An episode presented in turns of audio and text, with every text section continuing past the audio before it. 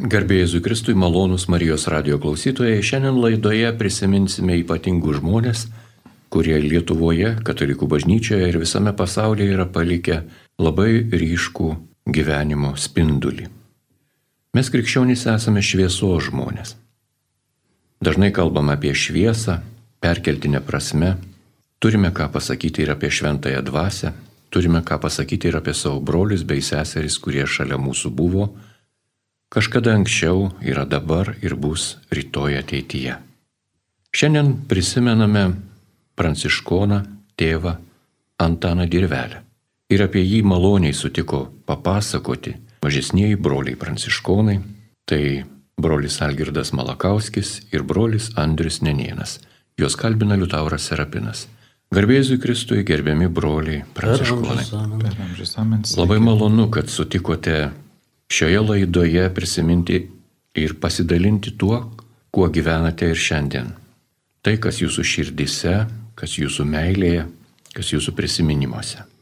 Kas tas tėvas Antanas Dirvelė, kunigė Algirdai? Tėvas Antanas, o po to jo vienuoliškas vardas Augustinas Dirvelė, vienas iš tokių iškiliausių pranciškonų, viena iškiliausių asmenybių tarpu karyje įstojęs 1923 metais į Pranciškonus ir studijavęs po to Kauno kunigų seminarijoje, kiek vėliau po to Silezijoje, pagarsėjęs kaip pamokslininkas, tarpukario gana žymus ir gavęs taip pat atsakingų pareigų Pranciškonų provincijoje, e, įsijungęs į Švento Antano kolegijos, kuri tapo vėliau Pranciškonų gimnazija Kretingoje, statybą, kūrybą, taip pat e, įsteigęs e, Kretingoje ir Liurdos lėnį, patį Liurdą, taip pat labai puoselėjęs Ambrozijos pabrėžos pamaldumą Kretingoje, bei taip pat rūpinėsis ir bažnyčios remontų Kretingoje ir restauracija, bei Švento Antano namelio, kuris buvo skirtas iš Amerikos grįžtantiems lietuviams apsigyventi, praleisti savo senatvę, įsteigimu ir, ir statybą, buvęs taip pat pranciškonų provincijolų 1936 metais. Ir šiaip buvęs viena iš tokių ryškesnių asmenybių ir įtakoja, sakykime, ir gan aktyviai ir Lietuvos pranciškonų gyvenimą, taip pat e, daug labai globojęs pranciškonus pasauliečius tarpu karyje, bei įnešęs gana svarų įnašą taip pat net ir, ir kretingos tą urbanistinį landšaftą ir kretingos visuomeninį gyvenimą. Taigi tokia asmenybė, apie kurią manyčiau, kad šitoje laidoje dar plačiau pakalbėsime. Pradžia tokia imponuojanti. Pranciškonas, kunigas, brolis ir jo gyvenimo geografija gana tokia plati. Studijos seminarijoje tuometinėje Vokietijoje, Vroclav miestelėje, o mirtis Sibirė, e, sovietinės bolševikinės Rusijos kažkur pakampyje. Ir tai toks, na, tipiškas pavyzdys tos kartos žmonių, kurie ne viską savo valia, savo norų galėjo pasirinkti savo gyvenime. Jo, tos tokios iškilios asmenybės, Augustino dirvelės biografija ir gyvenimas iš tiesų baigėsi Rusijos platybėse, Komijos Respublikoje, netoli Uralo, kur jisai 41 metais neaiškiomis aplinkybėmis dinksta, pradingsta, žuva ir, ir po to mes galėsime galbūt plačiau pakalbėti apie tą keletą versijų, kaip jisai išvežtas, reiškia, statyti geležinkelio 40-41 metais į Rusijos platybės, geležinkelio, kuris vedė iš Maskvos į Vorkutą. Kosjų lageryje yra žinoma paskutinė jo kalėjimo vieta, kuris įdingsta ir jo žuvimo aplinkybės yra iki šiol neįsiaiškintos. Broli Algirdai, dar norėtųsi grįžti į Kretingą jūs jau minėjote, jog brolis Augustinas, tai Antanas Dirvelė, Kretingoje ypatingai buvo aktyvus. Jisai prisidėjo ir pradėjo tam tikrus darbus. Jūs minėjote ir Lurdo tą slėnį, kuris yra. Daugelis Marijos radio klausytojų net nesupranta, apie ką mes šiandien kalbame, kalbėdami apie Kretingoje Lurdą. Gal galėtume truputį papasakoti, kas tai yra. Kretingoje Augustinas Dirvelė tarpu karyje tiesiog norėjo papuošti visą tą pranciškonų teritoriją. Jisai rūpinosi įsteigti Lurdo slėnį, kuris atmintų, tiesiog atkartotų Lurdą, Lurdo šventovę, kur yra Prancūzijoje, tai jis būtent 30 metų toje įgoj tiesiog perkelė visą pamaldumą ir įsteigė Lurdo slėnį, kurį mes galime pamatyti už bažnyčios šalia iš tiesų vaikščiodami po kretingą. Tiesiog upelio slėnį labai gražiai sutvarkė ir įrengė grotą, kurioje patalpino mergelės Marijos skulptūrą, taip pat ir, ir vaikus, kurie išvydo mergelės Marijos regėjimą, lurdę. Taip iš tiesų puoselėdamas pamaldumą mergeliai Marijai, kuris yra labai artimas pranciškoniškam dvasingumui. Ar šiuo metu tame slėnyje tos pamaldos vyksta, gegužinės ar kokios? Lurdų slėnis yra panaudotas įvairiems tikslams, ten vyksta, sakykime, ir, ir koncertai, ir vaikų chorų festivaliai, ir žiemą visada gruodžio mėnesį yra rengiama ir, ir prakartėlė, ir, ir šiais metais kaip tik buvo pats mačiau. Taigi tai yra tokia miestiečių mėgstama vieta, kur taip pat renkasi ir pranciškonų gimnazijos moksleiviai, pradėti mokslo metus, užbaigti. Tam tikrą prasme Augustino dirvelės ta pradėta tradicija pamaldumo mergeliai Marijai, liurdo mergeliai Marijai kretingoje yra tesiama, bet kartu vyksta ir įvairūs miesto bei pranciškono aplinkos renginiai tenais. Dar vienas pradėtas darbas Antano dirvelės buvo Švento Antano namelis. Tas jis atitinkamų laikotarpių Lietuvos gyvenimo buvo ir įvairiai vadinamas. Norėčiau paklausti brolių Andrių Nenieną. O tas Antano namelis, kas tai, kas dabar jame yra, kas buvo sovietiniais laikais okupacijos dar anksčiau? Šiuo metu tas pastatas yra Pranciškonų gimnazijos dalimi. Ten yra klasės, mokiniai mokinasi, yra salė. O pastatas buvo pastatytas ir atidarytas naudojimui 1934 metais ir jo paskirtis buvo apsigyventi lietuviams išeiviams, kurie buvo emigravę ir daugelis jų emigrantų finansavo šito namelio statybą ir buvo atverta galimybė žmonėms, kurie jau baigė savo darbinės karjeras, užsienyje, daugiausiai Junktinėse Amerikos valstijose, po Pietų Amerikoje, kaip mes žinom, kad buvo vykstama ir ten.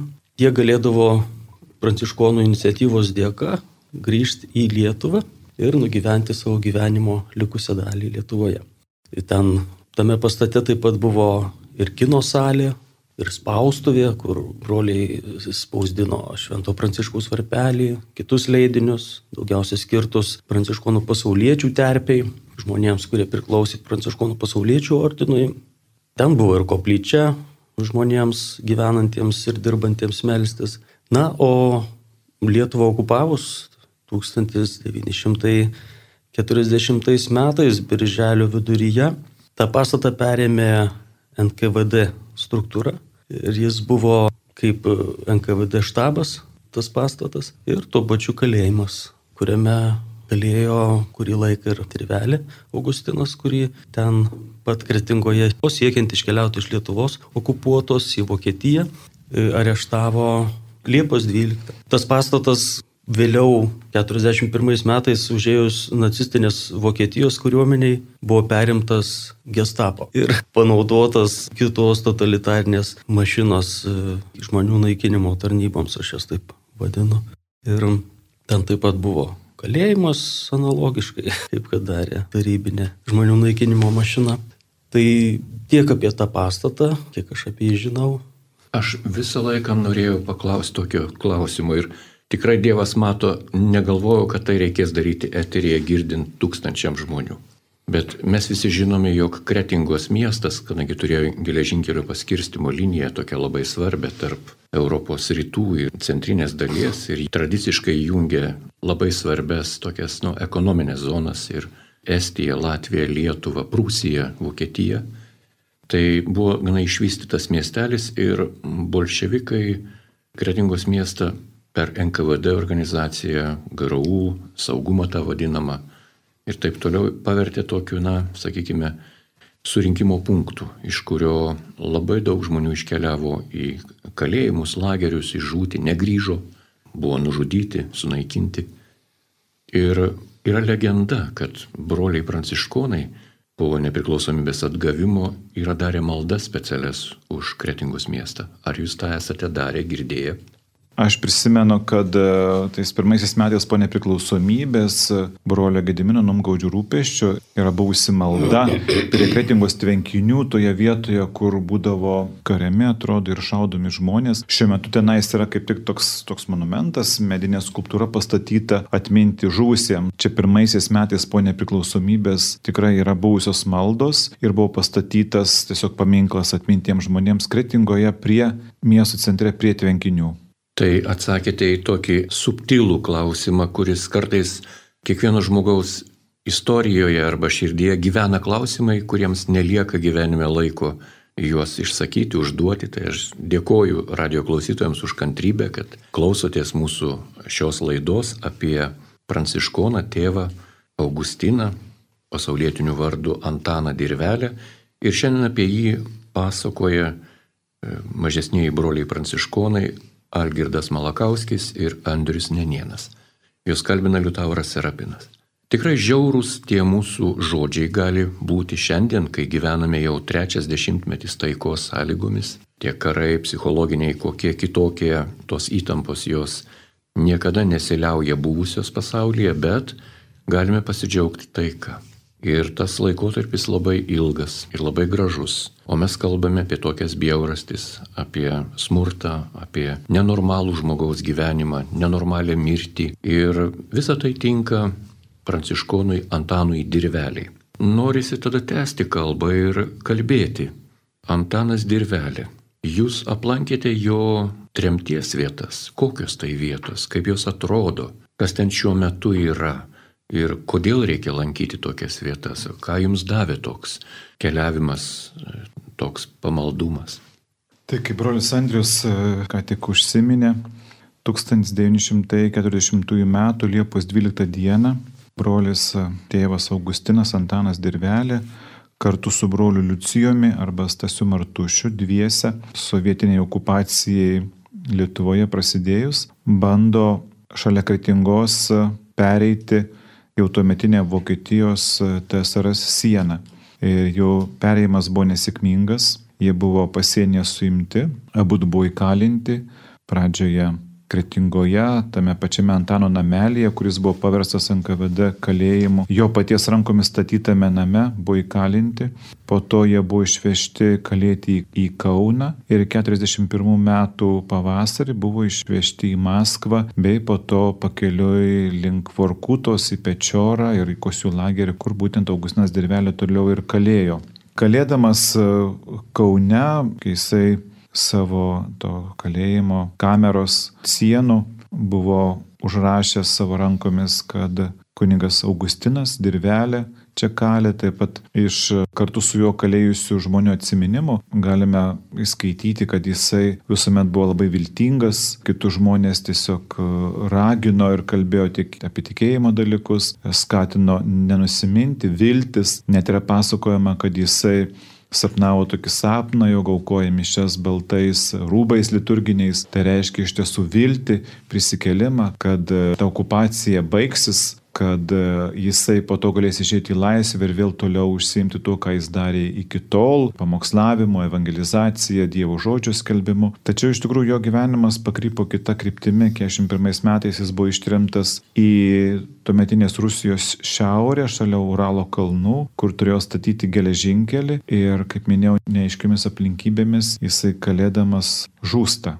Mes keliavom į nemažą grupę buvo žmonių. 12. 12 žmonių. Buvom trys pranciškonai, broliai, taip pat Kritingos pranciškonų gimnazijos mokinių, viena sesuo vienuolė, taip pat pasauliečių mūsų bičiulių.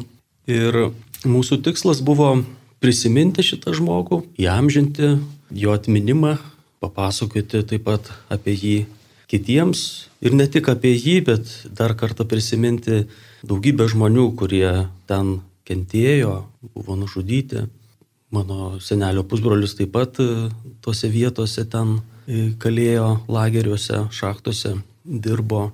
Mes keliavom per Maskvą, Maskvoje sėdom į traukinį ir važiavom tą geležinkelio liniją, kuri buvo tiesiama tuo metu, kada e, Augustinas Dirvelė buvo kalinamas. Ir Algis kalbėjo, kad mes buvom prie Kosių upės, už Pečioros, teka Kosių upė ir ten, kiek man žinoma, palei geležinkelio liniją buvo išmėtyti vienas paskui kitą laikini lageriai skirti būtent geležinkelio tiesėjams.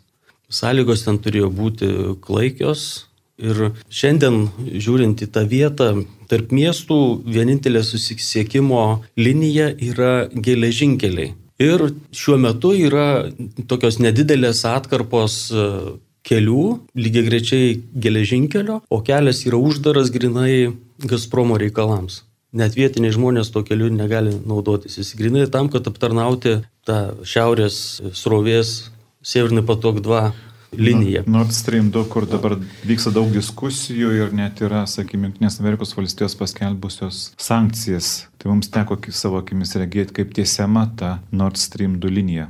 Tai kaip sakiau, tarp miestų Pečioro, Sintos, Varkutos yra tik tai geležinkelio linija ir vietiniai žmonės iš miestų išvažiuoja tik tai žvejoti ir medžioti. Dažniausiai jie skrenda balūnsparniais, kas turtingesni ten susiorganizuoja kompanijas, o iš miesto išvažiuoti automobiliu praktiškai neįmanoma, nes ten aplinkui upės, pelkės, ežeriukai ir vietovės labai atšiaurios, uždaros ir mes tyrinėjom bandėm išsiaiškinti, kokiu būdu galėjo žūti Augustinas Dirvelė. Turim versijų apie tai, kad jis bandė bėgti. Viena versija yra, kuri tvirtina, kad jisai bandė bėgti ir jam pavyko, bet jis nebuvo rastas ir mes turim bylos e, kopiją, Augustino Dirvelės bylos, taip pat keletą kitų dokumentų, kur yra pažymima, kad nutraukiama jo visų sąjunginė paieška. Tik neatsimenu, kuriais metais, bet jau čia praėjus. 50 Kelintais? Jo, 50... jau, jau po Stalino mirties ja. buvo nutraukta jo paieška. Tai ta versija yra tikėtina, nes jeigu nutraukiama paieška, galima daryti prielaidą, kad žmogus nebuvo rastas. O ten pabėgti iš tų vietų, tai, na, mano manimo, neįmanoma. Ten yra jau tūkstantis gal kilometrų iki Suomijos sienos ir, ir ten tiesiog yra miškas nepraeinamas Tai viena iš tų versijų yra, galbūt net ir mes kalbėjom iš tiesų su vietiniais žmonėmis ten iš Siktivkaro ir taip toliau iš Memorial Rusijoje organizacijos. Viena iš tokių versijų, kad jis galbūt galėjo bėgti, galėjo galbūt kažkiek būti priglaustas vietinių medžiotojų ten komijus miškuose, kad galėjo galbūt neišgyventi tiesiog. Viena iš versijų. Kita versija yra, kad jisai bandė bėgti ir bėgant iš lagerio sargybiniai jį užpjūdė sarginiais šunimis. Tai šitą versiją mes turim iš žmonos vieno vyro, kuris kalėjo kartu su Augustinu Dirvele ir vėliau išgyvenęs, grįžęs iš lagerių, e, išvyko gyventi į Junktinės valstijas, nes gavo leidimą susitikti su savo šeima kuri buvo ten prisiglaudus, pabėgusi iš Lietuvos. Tai tas liudimas nėra tiesioginis, aš skaičiau du laiškus tos moters, kuri perpasakojo vyro versiją. Taigi tiesioginio tokio kaip rašytinio šaltinio arba liudimo iš to žmogaus mes neturim, bet jo žmonos pasakojimas, kuris būtent patvirtina tą variantą, kad dirvelį bandęs bėgti, lyg tai susitaręs su sargybiniais, kurie ten buvo, bet keitėsi pamaina ir bebėgdamas užkliuvo ir buvo nužudytas. Tai čia irgi, kaip ten iš tikrųjų buvo, mes dabar neturim tiesioginių liudininkų ir kai pasidomi, atsigirsta įvairiausių tų variantų, bet manau, kad čia ne tai yra svarbiausia, nes e, ten būdami prie Kosių upės, nežinodami tikslios datos, kada žmogus mirė, nežinodami vietos, kur jisai buvo palaidotas. Tiesiog susiradom vienintelės prie kosių upės tilto ir kaimelio esančias kapines. Ten nuvykom, nuvežėm metalinį kryžių, užsukom lentelę atminimo su vardu pavardė Augustinos Dirvelė, jo gimimo metai, jo galimi mirties metai. Ir šventėme šventasis mišes, taip pat ten pasimeldėme už jį prisimindami jį ir prisimindami kitus ten nukankintus ir kentėjusius žmonės. Malonus Marijos radio klausytojai, jūs girdite laidą, kurioje prisiminimais ir svarba dalinasi broliai pranciškonai, mažesniai broliai pranciškonai, Algirdas Malakauskis ir Andrius Nenienas ir kalba jie apie pranciškoną, brolį Augustiną, pasaulietiniu vardu Antaną Dirvelę. Ir šioje laidoje neišvengiamai mes turime kalbėti apie tremtį, apie lagerius, apie kalėjimus, apie smurtinę mirtį ir nežinomybę, kurią na, paliko labai sunkus pokario laikotarpis, kai pasibaigus antrajam pasauliniam karui, pasirašius taikos sutartys, visas pasaulis šventė taiką, o čia Lietuvoje, kaip ir kitose sovietinės imperijos okupuotose valstybėse, dar vyko slaptasis karas ir karas civilinis ir jame tiesiog buvo naikinami, žudomi vietiniai gyventojai. Tai buvo daroma ir savųjų, ir priešų rankomis. Ir tikrai nelengva yra kalbėti apie tą laikotarpį. Bet kadangi laida yra katalikiška, krikščioniška, tai knieti vis tik tais užduoti tą klausimą, kaip mes kaip krikščionys turėtume savo įsivardinti va tokią smurtinę mirtį, kurios net e, priežasties ir pasiekmių nežinome, kai kalbame apie savo brangius žmonės. Ir Lietuvoje daug tokių šeimų, kurie yra praradę savo artimuosius, senelius, tėvus, mamas, brolius, seseris, tremtyse, sovietinės imperijos lageriuose ir kur kitur. Kaip kaip krikščionys turėtume tai išgyventi? Maničiau, kad pavyzdžiai tų, kurie patyrė kančią, suėmimus, tremti sovietinius kalėjimus, iš tikrųjų kalba mums apie tą ištikimybę. Ir vienas iš didžiausių dalykų, kuris moko mus Dievo žodį Evangelijoje, tai yra būtent ištikimybė. Nes euforija, entuzijazmas ateina, jis yra reikalingas ir svarbus, tačiau praeina ir pripažinkime, kad viena iš didžiausių gyvenimo vertybių tai yra ištikimybė, kuomet mes liekame ištikimi Dievo žodžiui ir po to, jeigu tas Dievo žodis, ta sėkla Dievo žodžio mesta mūsų širdise, toliau jinai tarpsta ir auga, jinai duoda, kaip Dievo žodis sako Evangelija, e, iš tikrųjų vaisių neregimai prabėgus metams ir dešimtmečiams. Ir vienas iš didžiausių pavyzdžių tų žmonių, kurie patyrė kančią, tremti, net ir kankinystę tame karo ir po karo laikotarpio, sovietinės okupacijos laikotarpio, tai yra ištikimybė. Ir bei taip pat tie, kurie kurie išlaikė tikėjimą per visą sovietinį laikotarpį ir štai šiais metais jau švesime 30 metų mūsų nepriklausomybės. Iš tiesų ištikimybės dėka mes nepriklausomybę vėl išsikovojome ir Toliau taip pat mums reikalinga ta ištikimybės malonė, kad tą nepriklausomybę mes brangintume ir toliau ją puoselėtume ir sunkiai, tačiau ištikimai ir tvirtai mes neštume ją į priekį. Taigi ištikimybės ta malonė, kuri pas mus ateina iš tų buvusių kankinių, tame tarpe ir iš tėvo Augustino Antano dirvelės, iš tikrųjų mums kalba apie tai, jog ištikimybė reikalinga bet kur, sakykime, ir mūsų pašvestajame gyvenime, vienuolinėme gyvenime, kunigystės tarnystė, lygiai taip pat ištikimybė yra reikalinga ir šeimose, kuomet tas žodis, ta priesaika duota Dievo akivaizdoje, altoriaus akivaizdoje, iš tiesų jinai neišvengiamai mūsų gyvenimuose patiria išbandymus ir, ir taip yra sakoma, kad pašvestieji vienuoliai, jie bus išbandyti kiekvienu įžadu mūsų gyvenime. Mes duodame skaistybės, neturto ir paklusnumo įžadą ir kiekvienas mūsų įžadas jisai bus išbandytas kažkada mūsų gyvenimo eigoje. Todėl ištikimybės malonė tikrai yra didelis dalykas ir Augustinas Dirvelė bei kiti kankiniai sovietų lageriuose jie būtent įrodė, kad ištikimybę įmanoma gyventi ir jinai yra didžiulė dovana, Dievo dovana, kuomet jinai yra išmelsta ir, ir kuomet ją gyvenama. Ačiū kunigė Algirdai, jūsų žodžiai kalbant dabartinėme kontekste, kai mes vertiname efektyvumą, intensyvumą, inovatyvumą, tokius keistus reiškinius, o jūs kalbate apie ištikimybę, tiesiog skamba kaip poezijos eilės, tos senos eilės, aš liksiu ištikimas tau ir savo pačiam, ir tamsią naktį, ir šviesią dieną, būties akimirką kiekvieną. Bet aš neįsivaizduoju, kaip gyvenime taip atsitinka, kad rodos tikrai vat, tas karsto dangtis uždaro viską. Nebėra Antano dirvelės. Nežinom, kur žuvo. Nežinom, kaip mirė. Nežinom, ką paskutinę savo gyvenimo dieną veikė, ką kalbėjo.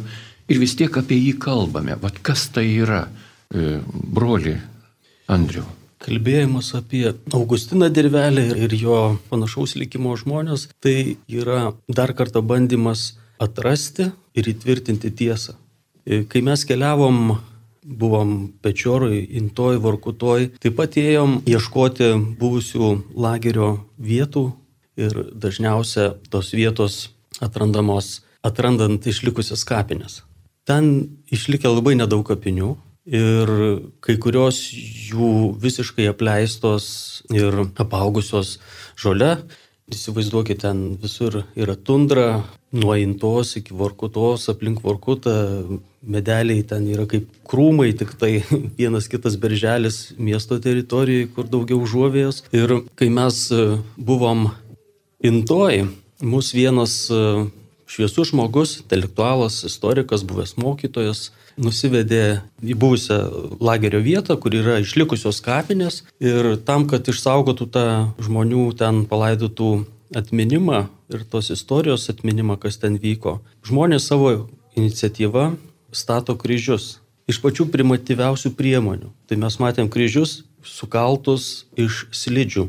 Ir jie pažymėja kryžiais kapų teritoriją tam, kad šalia esantis kolektyviniai sodai neauktų, nes žmonės nu, tiesiog norėdami turėti didesnį daržą praplėtė kolektyvinių sodų teritoriją kapinių sąskaitą. Taigi tokiu būdu ten vietiniai iniciatyvus žmonės saugo tas kapines ir tų istorijų ten vykusių atminimą. Kas įdomiausia, kad valstybinių lygmenių Rusijoje ten nieko nedaroma, kad būtų įamžintos ten vykusių nusikaltimų vietos kad būtų atminti tie žmonės. Paminklai, kuriuos mes matėm, yra pastatyti visuomenininkų iniciatyvų dėka. Rusijoje yra toksai judėjimas Memorial, tai nėra valstybinė organizacija, tai yra organizacija sudaryta iš žmonių, kurie savo iniciatyvą bandė ir bando toliau palikti kažkokius tai atminimo ženklus, pėtsakus. E, pėtsakus. Įsivaizduokit, tokioj Vorkuto yra tik vienas paminklas, kuris atmena tuos baisius Dešimtis tūkstančių žuvusių žmonių. Tai ir toj pačioj intoj tebestovi paminklas Leninui, tokio dydžio kaip Vilniui, kas ir Varkutoj.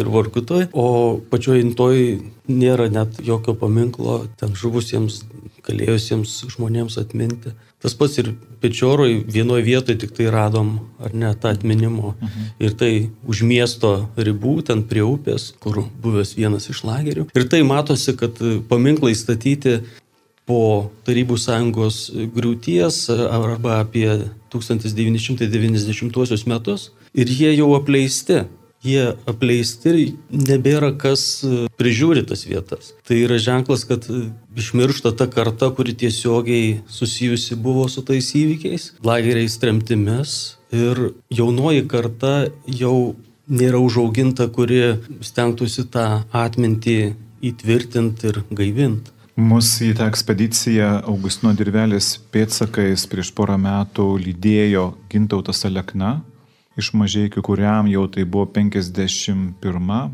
jeigu neklystų, ekspedicija. Jis yra išmaišęs visą Rusiją ir tiesiog renka duomenis apie lietuvių tremties ir palaidojimo vietas. Jisai tikrai žino tokių vietų, kurios jau tiesiog yra beveik neižengiamos ir prie Intos, ir prie Pečioros, ir taip pat aplinkui Vorkutą. Važiavom su juo kartu į tundrą, tiesiog visiškai atvirus laukus, kuris tiesiog žino, kur yra tos e, kapinaitės lietuvių, ukrainiečių, vengrų, kitų tautybių žmonių. Jis e, daugelį jų yra išsisaugojęs tiesiog GPS navigacijos pagalba koordinates, tai susidaro toks vaizdas, kad tiesiog toje valstybėje yra viskas daroma, kad ta atmintis e, buvusių kančių, tremčių, politinių kalėjimų atmintis yra naikinama. Galbūt sąmoningai nėra naikinama, bet tiesiog yra daroma, kad tai išnyktų ir prabėgus dar geriems 20-30 metų tiesiog tos kapinaitės užauks tundra, medeliais, krūmais ir tiesiog net ir nieko nedarant, ta atmintis tiesiog išnyks. Taigi manyčiau, kad ir mūsų laida, ir mūsų kalbėjimas apie tuos kankinius tikėjimo ir žmonės, kurie vedami ir tautinių paskatų, kentėjo dėl mūsų tėvynės, taip pat ir dėl Dievo žodžio, dėl bažnyčios, dėl Evangelijos. Iš tiesų tai yra gyvoja atmintis ir dar kartą mums kalba, kaip apie tai ir kalbėjome, apie tą ištikimybės malonę, kaip yra svarbu likti ištikimam tam idealui, dėl kurio tu esi pašventęs savo gyvenimą. Aš tik noriu dar atkreipti dėmesį į kai kurias Augustino dirvelės gyvenimo detalės, e, konkrečiai remiantis datomis. Augustinas dirvelė gimė 1901 metais, 1921 metais jis e, įsijungė į pranciškonų vienolyjos gretas. Paskui beveik dešimtmetį studijavo, ruošėsi silovadiniam darbui ir misijiniam darbui. Nuo 21 metų iki 28 metų. Tai buvo iš pradžių ūkdymo laikotarpis Lietuvoje. 1924 metais jis buvo išsiustas mokytis Vroclave, 28 metais grįžo ir paskui nuo tų metų jis darbavosi kaip sielovadininkas, kaip misionierius iki 1940 metų vasaros. Taigi tokios aktyvios veiklos yra nepilni 12 metų. Ir per tuos metus žmogus, kaip ryškė asmenybė, tikrai tapo daugeliui žinomas, daugeliui įsimintinas ir padarė didelius darbus. Šiandien mes džiaugiamės, e, kad galim juo didžiuotis šito žmogumi, bet taip pat džiaugiamės jo ir kitų brolių palikimu.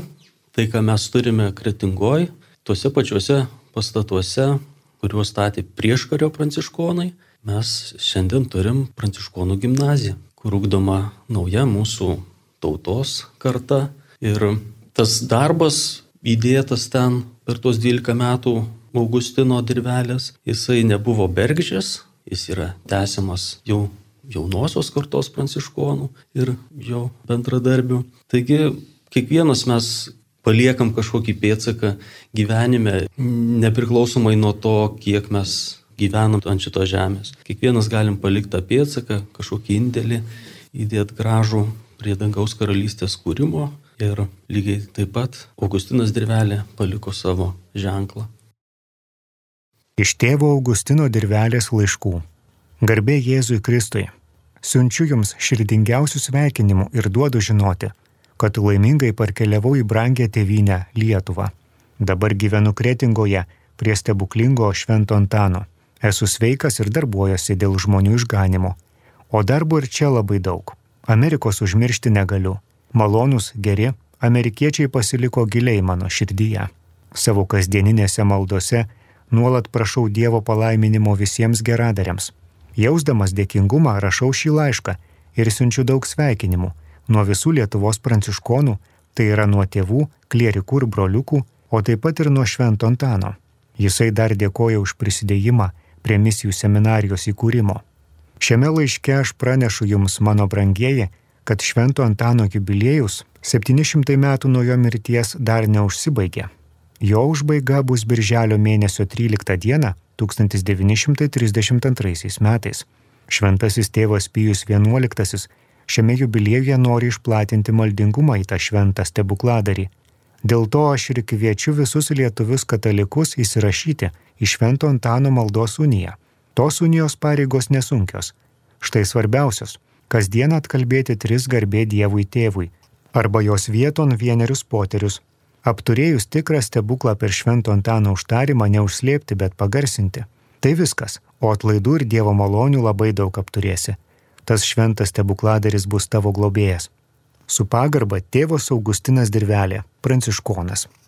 Malonus Marijos radio klausytojai, jūs girdėjote laidą apie brolį pranciškoną Augustiną, Antaną Dirvelę ir apie jį jums pasakojo broliai pranciškonai Algirdas Malakauskis ir Andrius Nenienas. Jūs kalbino Liutauras Serapinas, likite su Marijos radiju.